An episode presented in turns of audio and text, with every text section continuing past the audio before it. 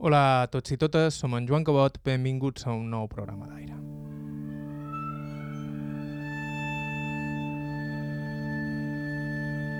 Quan Pilar Pons es va posar a glosar, gairebé no hi havia glosadores a Menorca.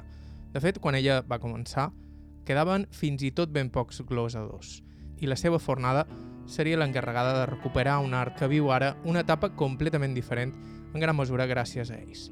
Però, a més, Pilar Pons va estar implicada també en els grups que varen impulsar la desfolclorització i democratització del ball pagès i dels incipients moviments socials per la recuperació de la llengua i la cultura menorquines en uns temps en què tot això era gairebé incitar a la revolució.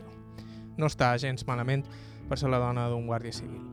Filla d'una família pagesa, va ser modista i va tenir un comerç, però sobretot ha estat una força silenciosa i humil de la cultura d'arrel menorquina. Una dona de bou dolça, però amb un caràcter potent i un enginy imbatible a l'hora de glosar. Estau escoltant Aire a IB3 Ràdio, us parla Joan Cabot. Començam.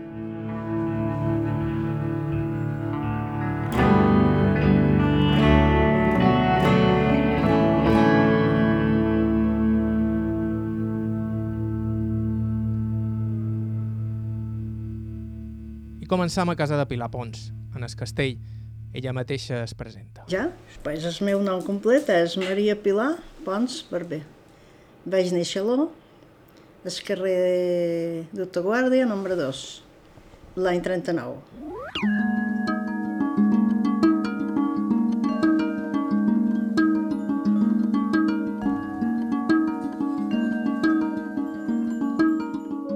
Bueno, jo me vaig criar al camp. Fins que me vaig casar vaig estar al camp. Som, érem, perquè es va, es va morir sa major l'any passat, érem quatre, tres germanes i un germà. Era una estància, un lloc petitó que era nostre, era, perquè el va vendre després. I bueno, lo normal d'un lloc, jo te podria dir que era com un missatge, no? Perquè tant cuia patates com sembrava el que fos, com poava poals d'aigua per, per ses per les beurades de les vaques, o sigui, així com funcionava llavors. No? Aquell lloc era, era de terra molt bona. No tenien regadiu i sembraven de tot. I tenien arbres de fruita i feien una fruita boníssima, vull dir, era una terra molt bona. I bueno, vaig néixer en el poble, però després me vaig posar molt malalta quan tenia 6, 16 mesos i el metge va dir que m'aduguessin al camp i així va ser que, o sigui, Mon pare anava i venia perquè era prop de l'O, sense haver-hi un cases, només una quadra per un buer. I després, pues, com el metge li va dir això, es va fer un, ràpidament una cotxeria, allò van fer una casa allò ja van quedar a viure allà completament. I, bueno, tu diria que no vaig prendre escola, quan era hora, no? perquè, clar, ell tenien un missatge, però no, després no hi havia transport per, per ni per les ni per res. I ell s'havia de dur les dues majors escola, pues era una hora de camí, una hora per anar, una hora per venir, pues no podia. I jo som la segona, la major i jo no vam anar a escola. I quan els dos petits van tenir edat d'anar a escola, jo els demanava a l'O, no? Amb un carro, amb un carretonet i un asa, i els temps que ells, ells, ells eren a escola, jo aprofitava per aprendre a cosir. I, en certa manera, vaig fer una vintena, de, 20, 25 anys de modista. Per públic. És el meu ofici. I ho combinava, quan arribava allà en el lloc, que sortien d'escola, mon pare ja m'esperava per anar pel camp a fer el que fos. Cuir patates, sembrar patates, dur les vaques a pasturar, a la tanca i un poc de tot. I mon pare era un home enamorat de la terra, però al 100%. I ma mare, bueno, ma mare normal, se cuidava de la casa i del menjar i tot això. Però mon pare, quan hi va haver el canvi de, de, que va començar a venir turisme, bueno, com veia que els pagesos abandonaven el camp, tornava loco. Era, era un, una malaltia per ell. I així va passar, que el camp se va anar abandonant perquè si feien feina de mestres de cases, doncs els divendres havien acabat, no? I no tenien que anar a munyir les vaques el dia de Nadal, ni els dies de Nadal, ni el dia de Pasqua. I així va ser que, que hi va haver un canvi brutal. I a poc a poc pues, va, va venir el boom del turisme. Mira, una cosa curiosa que era 61, 64, quan, el 1964, quan ens van destinar a Son Cervera. I jo tenia el major de 3 anys i vam fer dos anys allà. I quan ens van destinar cap a Mó, jo m'agradava molt anar a Ciutadella, a més tenia la família del meu amo allà, i anar a Cala Blanca, no sé si la coneixes. I quan van tornar, després de 3 anys, dic, anàvem a Cala Blanca. I quan vaig arribar allà, vaig mirar, dic, però i on Blanca, on és? Perquè només hi havia una caseta d'allò de pescadors i res més. I vaig trobar, en dos anys havien fet, bum, hotels, xalets, xalets, molt de xalets. Me vaig quedar i, i bueno, i de cada any més, no? Turisme, bueno, quan jo vaig estar a Son Cervera, entre Cala Millor, Cala Bona i tot allò, hi havia com a 10.000 turistes jo de veure una turista o no, no m'estranyava. I un dia curiós vaig anar a la pescateria i estava, m'estava despatxant i veig que se queda així. I dic, i ara què passa? No sé, pensava, què passa? I era que una turista amb minifalda, tu imagina't a Menorca com estaven, de bona Mallorca, hi havia un abisme. Dius que no vas anar a molta escola, però vas anar un poc... Bueno, el que feia era que a mon pare li sabia molt de greu que no haguessin pogut anar a escola. I el diumenge, que anaven a el poble que tenia sàvia, tenien sàvia, anaven a veure-la i dinaven amb ella i després tornaven a anar cap al camp. I hi havia una, una senyora que no tenia el títol de mestre d'escola, però pràcticament no hi va arribar. I mon pare la coneixia molt i va dir i van si pots fer un pot d'escola a les filles, a les dues majors, que era jo i l'altra. I vaig aprendre un pot d'aquella manera i després escrivia cartes perquè jo volia saber escriure i llegir. Escrivia cartes imaginàries, mon pare sí, que havia anat a escola en tots els anys que tenia. I escrivia i ell me les corregia. O sigui, jo tenia aquelles ganes de, de saber escriure, llegir i tal. I llavors, quan ja ja tenia estrès al dos, vaig anar a escola al vespre, a escola d'adults, però just un curs. No, tampoc no... El mestre m'ha dit, pots seguir, pots treure's graduat escolar perquè ho pots fer, però el meu no era estudiar. Jo ja vaig saber llegir i escriure i ja m'abastava, no? I això és tot. Jo sempre dic el mateix.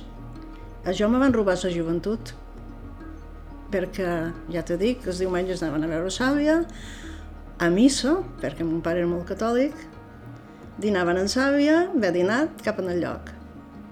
Això va ser la joventut. I curiós perquè quan dues meus germans a escola, tota la carretera de, de, de Mó fins a Ciutadella estava sense asfaltar. I eh, quan no hi havia escola, en bicicleta anava a aprendre a cosir, perquè jo volia, vaig dir a mon pare i ma mare, jo no vull, no vull quedar així sense saber fer res, o peluquera o modista, vaig dir, una de les dues. I bueno, Llavors vaig fer el curs per correspondència, vaig treure tot el curs de corte i confessió i això va ser la meva vida. Després em vaig casar i... Com el vas conèixer, el teu home?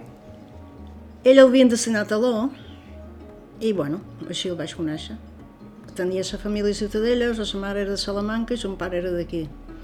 I es veu que, bueno, jo bueno, els coneixia encara, van destinar, estaven a fora, el van destinar a Ciutadella i van quedar allà. I no sé, què te tenc que dir, vull dir, la vida de casada, bueno, no sé. Amb un marit guàrdia civil i, com ha explicat, durant un temps la família es va haver de traslladar en diverses ocasions fins que va aconseguir retornar a Menorca. Eren uns anys complicats per sa dona de guàrdia civil, sobretot pel risc de ser destinats al País Basc. Ma mare no li agradava gens, tornava loca, eh? que t'anaràs i que vos destinaran i que si ell no hagués estudiat, no, no mos vessin... Era guàrdia civil, només, ras, no? Però després dic, no, me posaré a estudiar, que me semblava bé, perquè ja teníem un fill, després en van tenir dos més, i quan es va morir era subtinent, però som us van destinar. I quan eh, de, de Cabo van anar a Son Cervera i quan va ascendir a subtinent, després ens enviaven a Bilbao o a Canàries, que estaven així, perquè Bilbao era quan hi havia el follon gros. I al final ens van destinar a les Palmes. No, no m'agradava.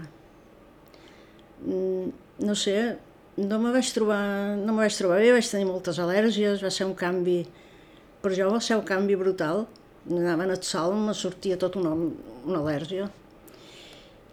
I bé, vaig estar contenta de conèixer-ho i tot això, però mm, no m'agradava.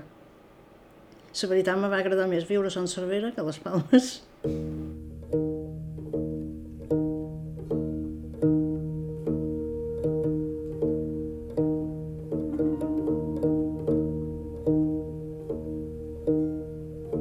Va ser un cop tornada a Menorca que Pilar Pons va entrar en contacte amb el món de la cultura local. En part, es pot dir que va ser l'amor de son pare per la terra que es va manifestar d'aquesta manera en ella.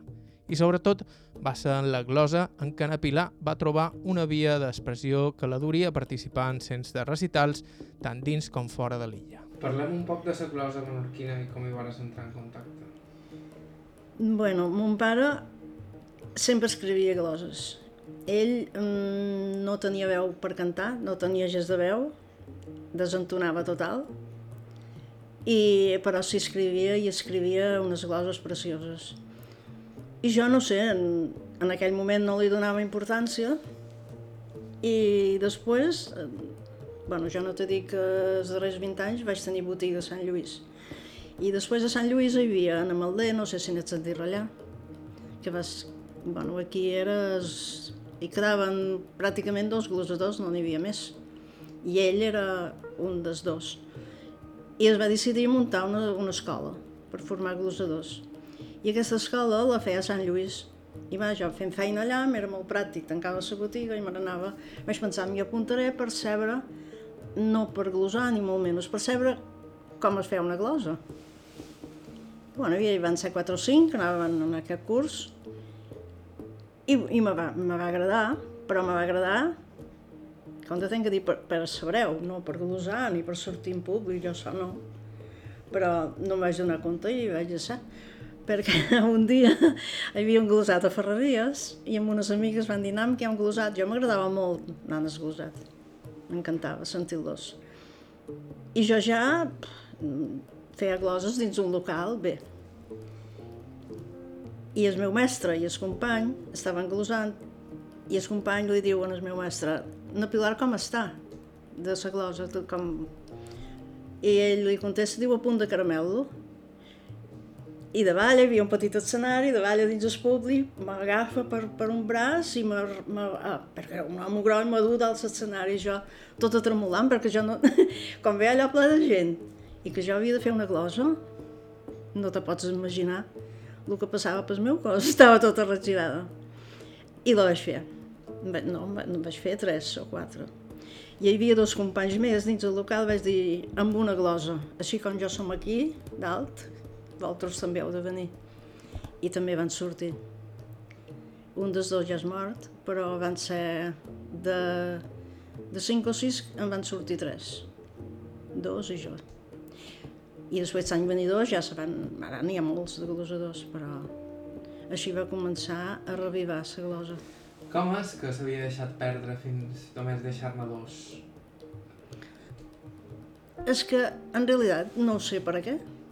Perquè n'hi havia un de jove a Ciutadella, però després, no sé, no estava, estava molt depressiu i ho va deixar. I era jove. I és que ningú hi pensava en això. No sé. És estrany, no? A Mallorca havia passat una cosa semblant i aquí no acaben les semblances entre la glosa de Mallorca i la de Menorca. Bueno, la diferència, nosaltres cantàvem amb guitarra, ells canten sense, però en realitat la rima té, un, té una altra tonada, canten una altra tonada, però la rima és la mateixa. I és improvisada, també. Total. És que la gent no ho creu, moltes vegades no... Per això quan anaven, perquè jo ho vaig deixar ja fa, no sé, deu fer 7 o 8 anys ja que ho vaig deixar. Quan anaven a glosar, aturaven un moment i dèiem ara fem les preguntes, el que vulgueu.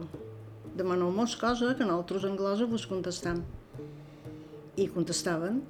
I clar, era la manera de que la gent ves que no estava preparat, sinó que t'asseies allà sense saber què havies de dir, la guitarra començava i jo normalment, com era una dona, que llavors no n'hi havia de dones que ho gosassin, no n'hi havia, bueno, n'hi havia hagut, crec que n'hi havia hagut, passant una balada, però així que sortiguessin en públic, no. I me posaven enmig jo, si eren tres, i el qui està a l'esquerra comença, i llavors segueix, no? I començava i no sabia ni què me diria. És així. De petita senties glosar? Sí, però poc, perquè no me deixaven anar al món. Després la dona, ja saps, de temps antic, que jo no ho he vist, ni, hi, ni hi havia estat mai, era motiu de matances o de, o de mesurades, quan eh, acabaven de batre el blat i tot això. Era després. I en festes familiars, però així en públic, no sé. Bé, jo vaig anar a veure molt de galosars que ja eren en públic. I hi havia un mínim de gent que li agradava. Sí, bueno, ara fan, fan demostracions i, i sempre... És que no sé, no hi ha cap glosador que sigui, que, que, tingui, que sigui igual, no? Som tots diferents. N'hi ha que tenen molta rapidesa, inclús te diria massa rapidesa, perquè acaben la glosa i ja en comencen una altra i, i els altres queden, no?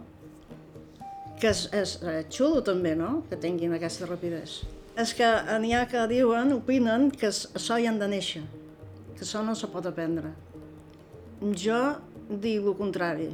Vull dir, sí, pot ser que per poder fer una glosa són tres coses. Una no és de tenir gest de vergonya, l'altra bona veu i l'altra mm, rapidesa en, en preparar mentre aquell es primer fa la glosa i d'un assumpte és de pensar ràpidament que, que és de contestar el que diu aquell. Jo, jo no podria contestar el que jo m'ha donat la gana. I, i bueno, eh, és, és, és el que hi ha, no sé, no sé te tenc que dir.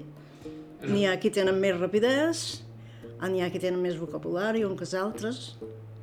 Jo he vist anar a glosar i que qualque glosador es queda aturat, que això... Jo vaig tenir la sort, la sort perquè aquesta sort que mai me vaig aturar mai, no, sempre vaig seguir, la vaig fer més flaqueta o vaig, o vaig repetir un mot, però no me vaig aturar mai. El mestre me deia, la glosa primer és de pensar en l'acabament. En els dos darrers mots els has de tenir memoritzats i després comences per d'altres. Jo això no ho vaig poder lograr. Jo començava la glosa i tant com feia la glosa i, i ja veurem què passa, no?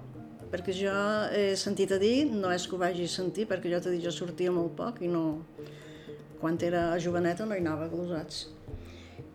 Que tractaven un assumpte, un assumpte que, que potser havien sentit a dir d'un lamo que havia fet una cosa o l'altra i no partien amb aquell assumpte i s'anaven inventant. I inclús ara hi ha les persones majors que encara eh, diuen això no, no és glosa que veig, no, no, no és com antes, antes agafaven un assumpte, però jo amb això els discutia, perquè deia, però per què hem de ser com antes? Allò era antes, ara estem en una altra època i el que tenim que xerrar és de coses que passen ara, no d'inventar un assumpte que ni va ni ve. I amb això, la gent major, i... la gent jove ja no, però jo no, era, no pensava així, pensava per a què? Pues, eh, política, eh, de tot. O sigui, nosaltres, jo m'he vist glosats tractar de tot. Quan ella va començar, hi havia ben pocs glosadors i molt manco dones. Ara, i gràcies a la tasca de recuperació de gent com ella, la situació és completament diferent. Ara sí. Ara n'hi deu haver... Ma, penso que n'hi ha com a cinc dones o sis que glosen i homes, hi deu haver més de 20 glosadors. Només hi havia un guitarrista, que era de Ciutadella. Jo les primeres gloses d'aquest dia les vaig fer amb aquest guitarrista encara. I ara hi ha guitarristes, ha de tot. O sigui, eh, el meu mestre va fer una bona feina. Que encara és viu però està a Santa Rita Ciutadella, un geriàtric. Mm, Ara ja no coneix ningú.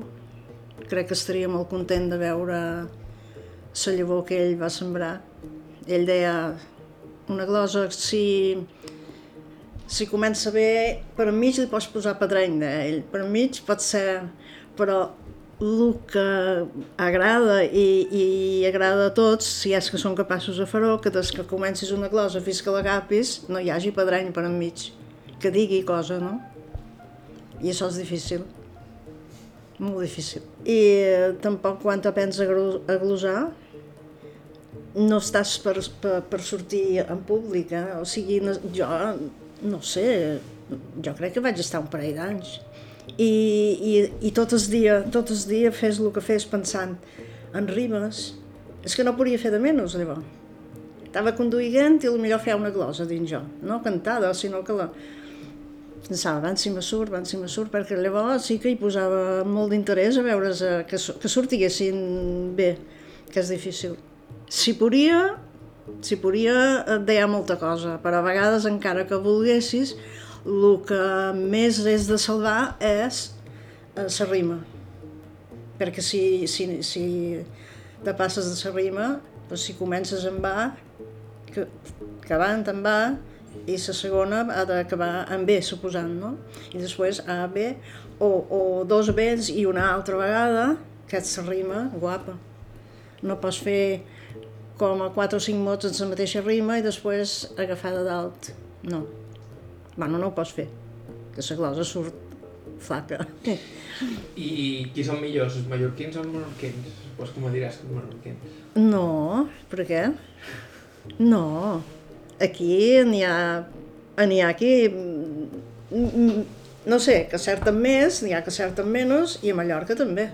A Mallorca n'hi ha de molt bons.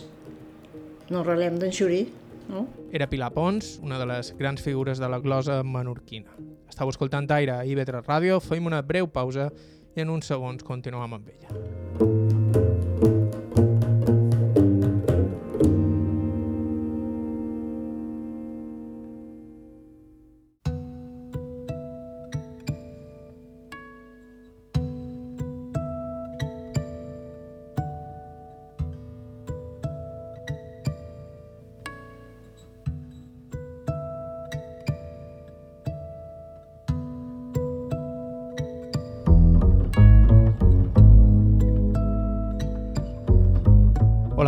Som en Joan Cabot, estàu escoltant Aire. Abans de continuar vos recordam que sempre estem cercant testimonis, gent amb històries de vida interessants, així que si teniu qualsevol proposta estarem encantats de rebre-la al nostre correu electrònic aire arroba ib3radio.com A Pilar Pons la vàrem entrevistar a finals de l'any passat a casa seva, en Es Castell, Menorca, i ja l'hem escoltada parlar de com va entrar en contacte amb la glosa menorquina, un art que ella va contribuir a recuperar i popularitzar.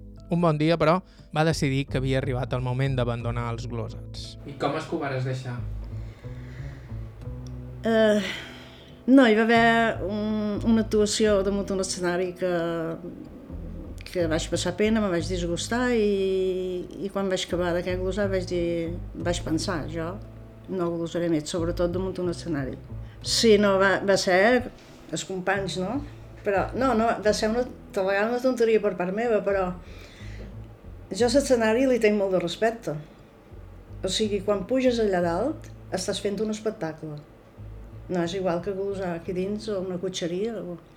I bueno, un, per desgràcia, ja es va morir bastant jove, es va, es va enfadar perquè, perquè l'altre acabava la glosa, era un, dos i tres, i aquest d'aquí acabava la glosa i en començava a fer una altra.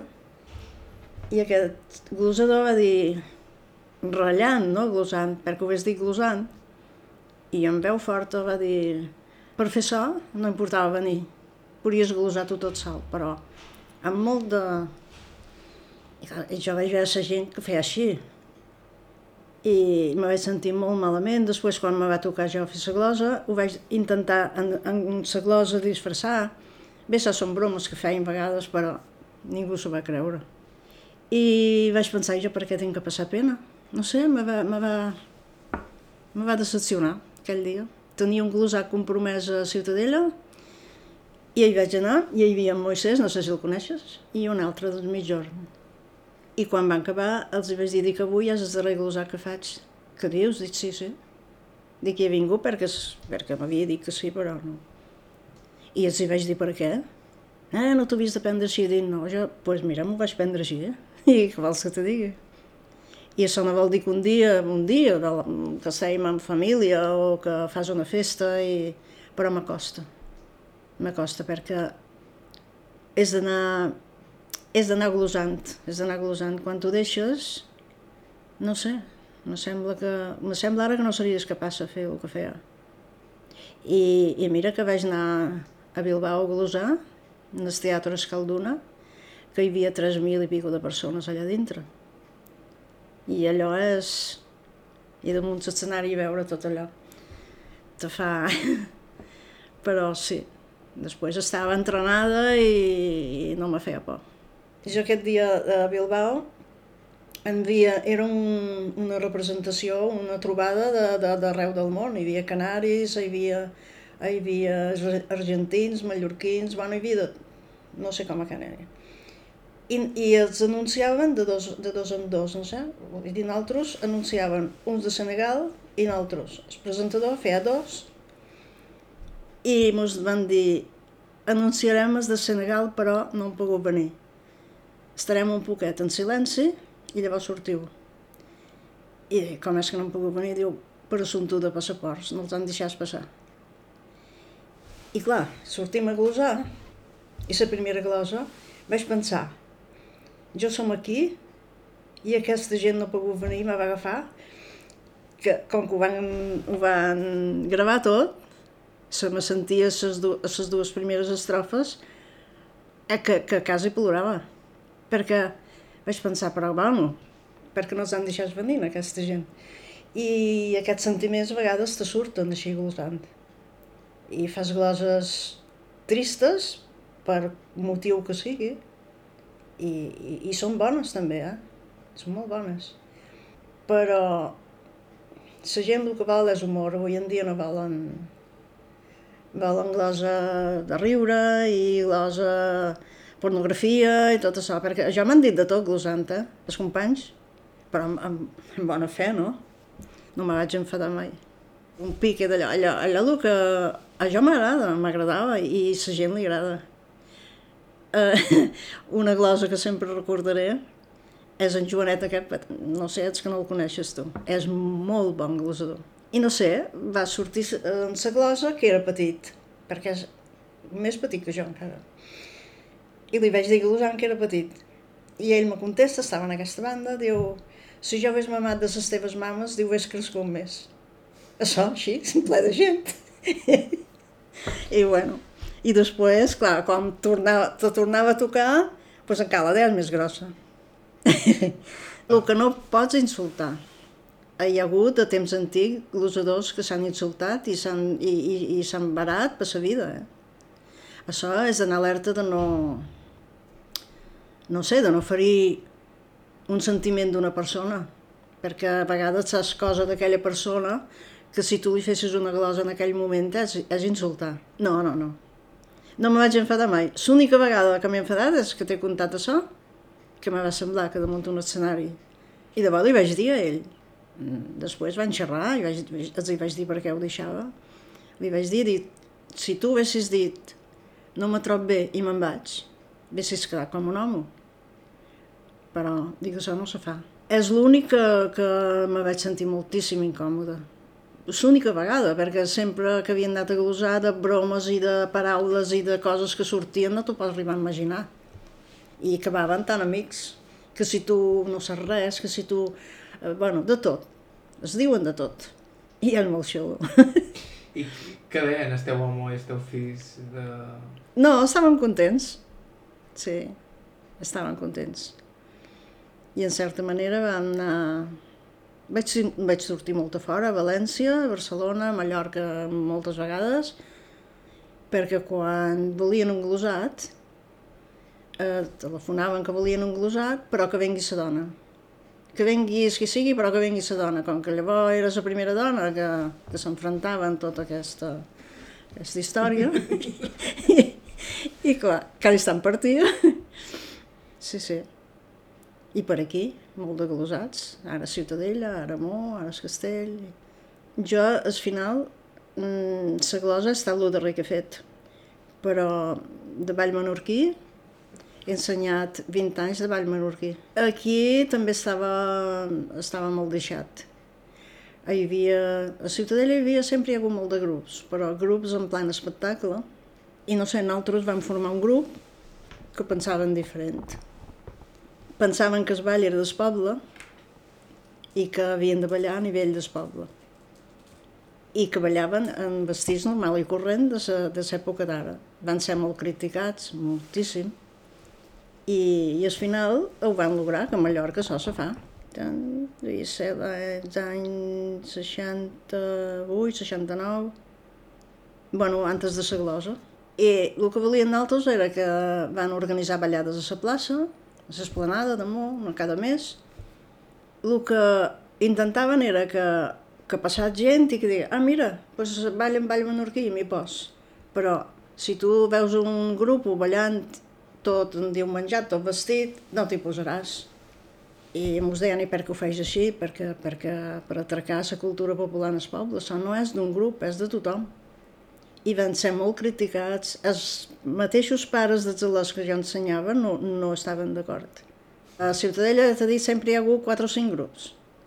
I a Mont hi havia un, a Castell un altre, però tot amb, la mateixa de sona, ball espectacle, que moltes vegades no era espectacle, però bueno. I la manera de ballar es, es, té semblances amb ball pagès mallorquí? Bueno, a rimes el mateix. Un, dos, tres, un, dos, tres, no? Sí. Tant aquí com allà. A Mallorca són més... El ball aquí és, és més mm, lento, com a més apagat a Mallorca és més, més espontani, més divertit, no? Bueno, divertit, no sé, cada poble té la seva, el seu d'això. I, però tampoc no hi ha per a què, es ball havia de canviar, quan jo ensenyava també, deia, no dugueu els braços baix, sinó que estàs ballant una jota, una jota no podeu ballar així, sinó que una, és una jota, no? Van intentar també, que canvia, ha canviat una mica, eh, també aquí. Ara me sembla que està com un poc en decadència, no sé. No sé per què, però fan poques ballades. I nosaltres vam fer intercanvis amb Mallorca, amb Falanits, Petra, Sant Llorenç... I bueno, en Sant Llorenç, quan van veure que a Menorca venien sense vestir, se van estranyar. Perquè no era normal, no? A Menorca no era normal. Va ser una feina que vam fer. També vaig formar part d'un grup que es deia Escolatiu Folclòric en, en temps de, d'escanvi, no? de poder cantar segons quines cançons, segons quines lletres, i, i bueno, vaig viure tot això de prop, bé de prop. Van, van lograr no urbanitzar Macarella i Macarelleta eh, en, en trobades i així com podien, no? I van fer molta de feina amb això, molta. I ho van lograr. I aquest el col·lectiu folclòric era aquestes coses que, que perseguien de, de, de canviar una mica jo això sí que ho duia fort, perquè de petita no havia tingut llibertat. I, i jo, no sé, després no te dones compte que, que ets una joveneta i que no... Sí que me'n donava compte, jo m'hagués agradat anar al cine, m'hagués agradat anar a un ball, m'agrada molt ballar, però no, perquè les al·lotes llavors, les dones, per això no hi havia dones que glosassin tampoc. Com podien ser una dona a glosar amb els homes eh, al vespre i tal. Supos que era per això perquè jo sé que n'hi havia qui, qui a lo millor un dia de matances feien una glosa o... però s'ha d'anar a glosar així en públic semblava que mig prohibit o prohibit però bueno, jo quan vaig començar a glosar això ja no tenia importància. Sorprèn el caràcter compromès cultural i políticament de Pilar Pons amb el fet que fos la dona d'un guàrdia civil.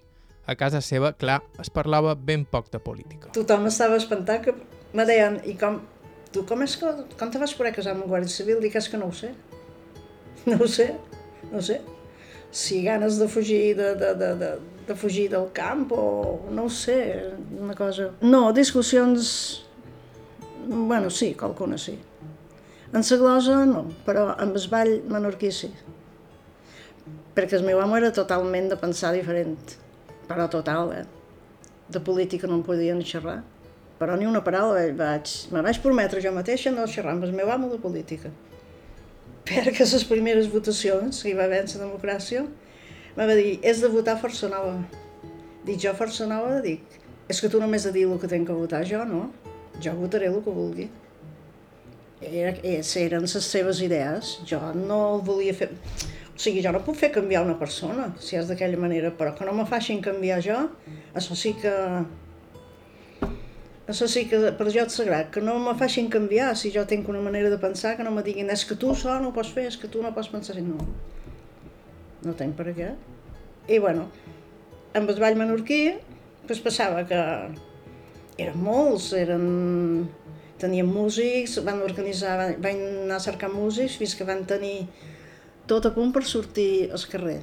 I, bueno, i a vegades deien, mira, farem un sopar, ens juntarem tots i, i anem a sopar tal dia. Jo li deien al meu amo, mira, anem a sopar. Jo amb els comunistes no hi vaig. Això era la resposta. I clar, ja era una discussió. I jo deia, pues, si tu no hi vas, jo sí que hi vaig. Sí, no ho sé. no sé. A vegades pens, però sí, va ser la meva vida i, i així va ser. Vos teníem molta pales, les dones un temps. Sí, molt. I més les pageses. Les que estaven a l'OM, pues, en el poble, perquè jo vaig néixer allà, era diferent. Sempre tenien una ocasió per anar teatre un cine o per anar a passejar, simplement. Però les pageses eren, eren diferents. Eren, eh, eh, bueno, diferents, no eren diferents. La gent els considerava diferents, com a més poca cosa, no? me'n recordo una cosa que mai se m'oblidarà. Jo, per exemple, quan no hi havia escola, o me n'anava amb una bicicleta, o anava amb un asa, em va estibar, saps què és? Amb quatre gerres de llet i dues a llet a, a l'o. I bueno, havia de passar en Sasa per dins el poble i una plaça que hi ha a l'O, que es diu la plaça de Ramala, hi havia una central de soldats Llavors hi havia allà una centraleta que estaven. I crec que allà hi havia els més pijos, saps? Que feien famílies més rics. I se de jo cada vegada que passava. Mira, ara ve la pagesa, mira, ara passa, que la veus i tal. I un dia dic, s'ha acabat això. Dic a Sasa, oh, tu aquí. Ma gira estava a una finestra, aquest home. Dic, saps què te dic? Dic que l'asa que men jo no és tan asa com tu. Dic així és que calla, eh? No m'han dit res més. És un fet de, de que les pageses no se consideraven igual. Tal vegada vestien d'una altra manera, no sé.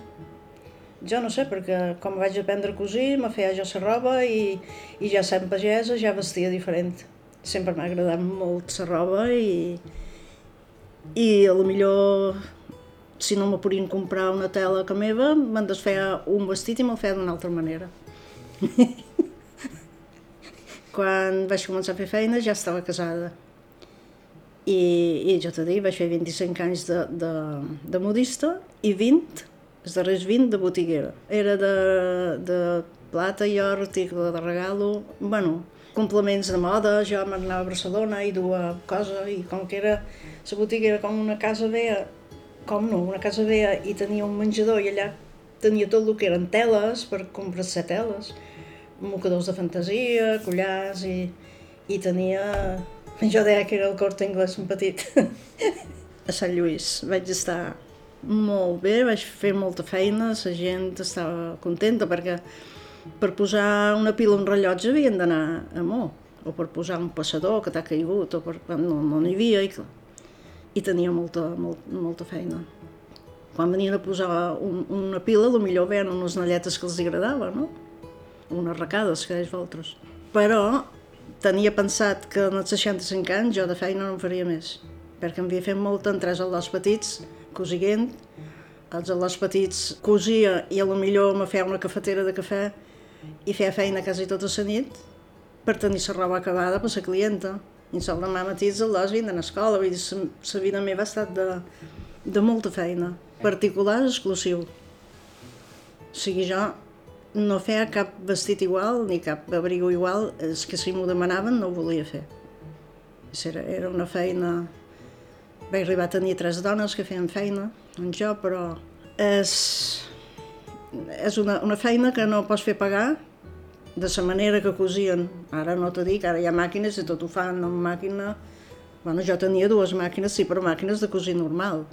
Ara màquines fan una vintena o 40 vestits iguals, pam, tant i ja.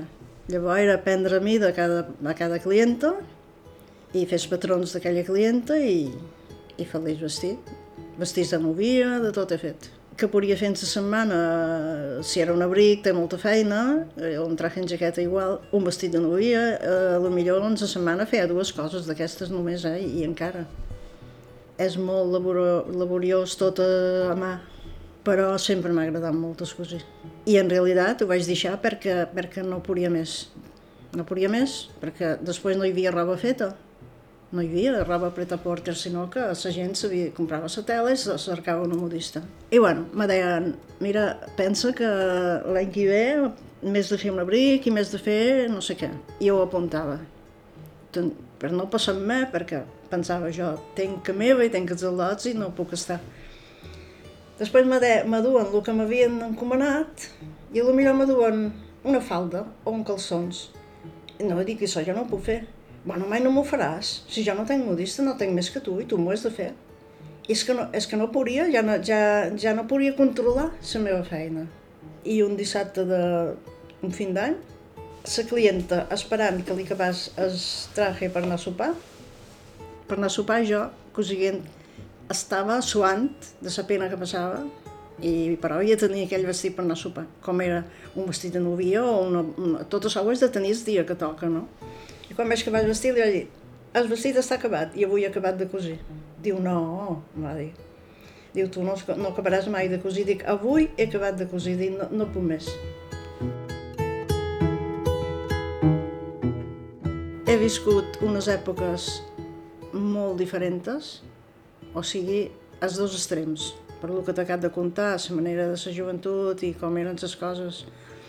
Ara, jo crec que llavors era massa. No hi havia llibertat de res, no sé, era una cosa que si ho, si ho penses ara dius, bueno, i ara és com a massa llibertat segons com. I bueno, llavors turisme, amb el turisme és que jo enyorava anar a una platja i poder trepitjar la crosta de serena perquè no hi anava Vull dir, nosaltres hi anaven una vegada l'any. Me'n record que amb un cabriolet i un cavall anaven a Cala Caldana. I trobava serena en crosta. Quan posaves el peu, se rompia serena. Allò, a vegades hi pens. I compte ara que està tota la serena remenada, que enguany els menorquins ja no, podien, ja no volien quasi anar a la platja. Sobretot els dissabtes i els diumenges, perquè no saben ni on s'han de posar. Bé, jo ja no hi vaig. I bueno, quan se van començar aquí, jo t'ho dic, quan jo vaig veure la platja Cala Blanca, me vaig quedar en dos anys el que havien fet. Tu has de pensar el que van fer. Però els pagesos, clar, van deixar molt el camp abandonat, aquí vivíem de, de la nostra producció. Sabates, bisuteria, el camp, i no, no menjaven res de fora. Aquí hi havia prou cosa. Però amb el canvi de turisme ja i va passar una cosa, que quan hi va començar a haver hotels necessitaven gent, camareres per, per habitacions, les menorquines no hi volien anar. Els hi va costar molt anar a fer net apartaments i tot això, que per això va de venir gent de fora. Uh, els homes, uh, molts de pagesos se'n van anar de, de mestre de cases. De mestre a fer obra, a fer obres. Sí. Perquè deien que així divendres havien acabat, guanyaven més que en el camp i estaven més tranquils. I així van anar deixant. I les dones, bé, al principi no, no hi volien anar, clar que, que hi van i que hi van anar, perquè la bisuteria va començar a fallar, les sabates també, i en realitat una dona que ha pogut estar assegurada fent feina en un hotel està molt millor que una que feia sabates, que les fàbriques donaven la eh, feina a casa seva, o sigui, tenien una màquina de cosir sabates a casa seva, i feien la feina que seva sense assegurar ni res. I ara, en el moment d'ara, me diuen, és que jo no cop res. I per què no cobres res? Perquè no vaig estar assegurada mai.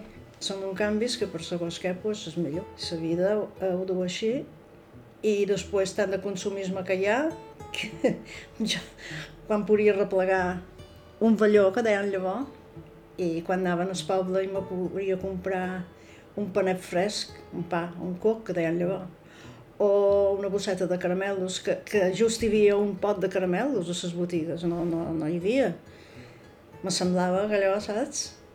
I ara hi ha tanta cosa i, i menjam malament, molt més cantes. Llavors menjàvem molt sa. En cert sentit, és com si l'espòs de son pare, aquell pagès que veia amb tristor com els seus veïns abandonaven el camp, s'haguessin confirmat totes. De fet, Pilar Pons, abans d'acomiadar-nos, me canta una cançó que va escriure ell, son pare, i que ella enregistraria en un disc molts anys després, una tonada que posa fi a la nostra conversa.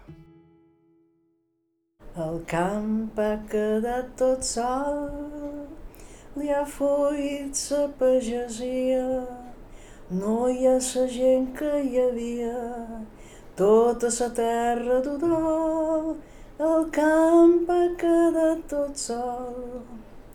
Deixar el camp abandonat és una gran locura, el pagès té sa mesura i tot val un disbarat, deixar el camp abandonat.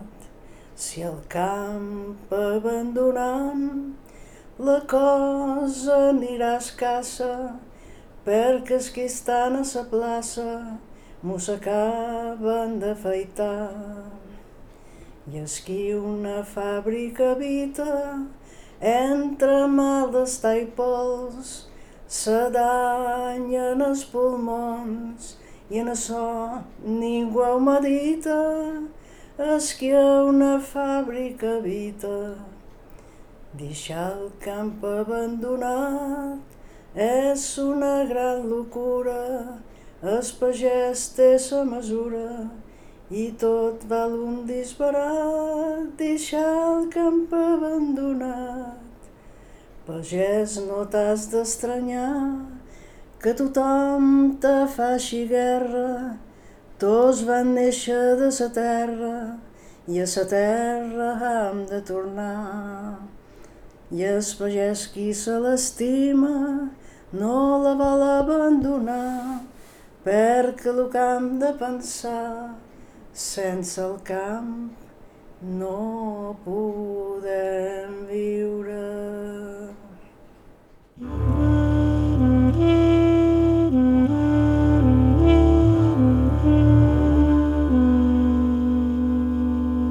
Fins aquí el programa d'avui. Moltíssimes gràcies a Pilar Pons pel seu temps i amabilitat. Us recordam que sempre estem cercant testimonis, així que si ens voleu fer arribar alguna proposta ho podeu fer al nostre correu aire.ivetresradio.com Vos podeu subscriure al nostre podcast a qualsevol dels agregadors disponibles i a ivetres.org barra carta i trobareu tot l'arxiu del programa. La música que ha sonat avui ha estat de Joshua Abrams, Marisa Anderson, Jaume Tuores i Charles Rumbach. Bàrbara Ferrer, la producció executiva, vos ha parlat Joan Cabot. Gràcies per ser a l'altre costat i fins la setmana que ve.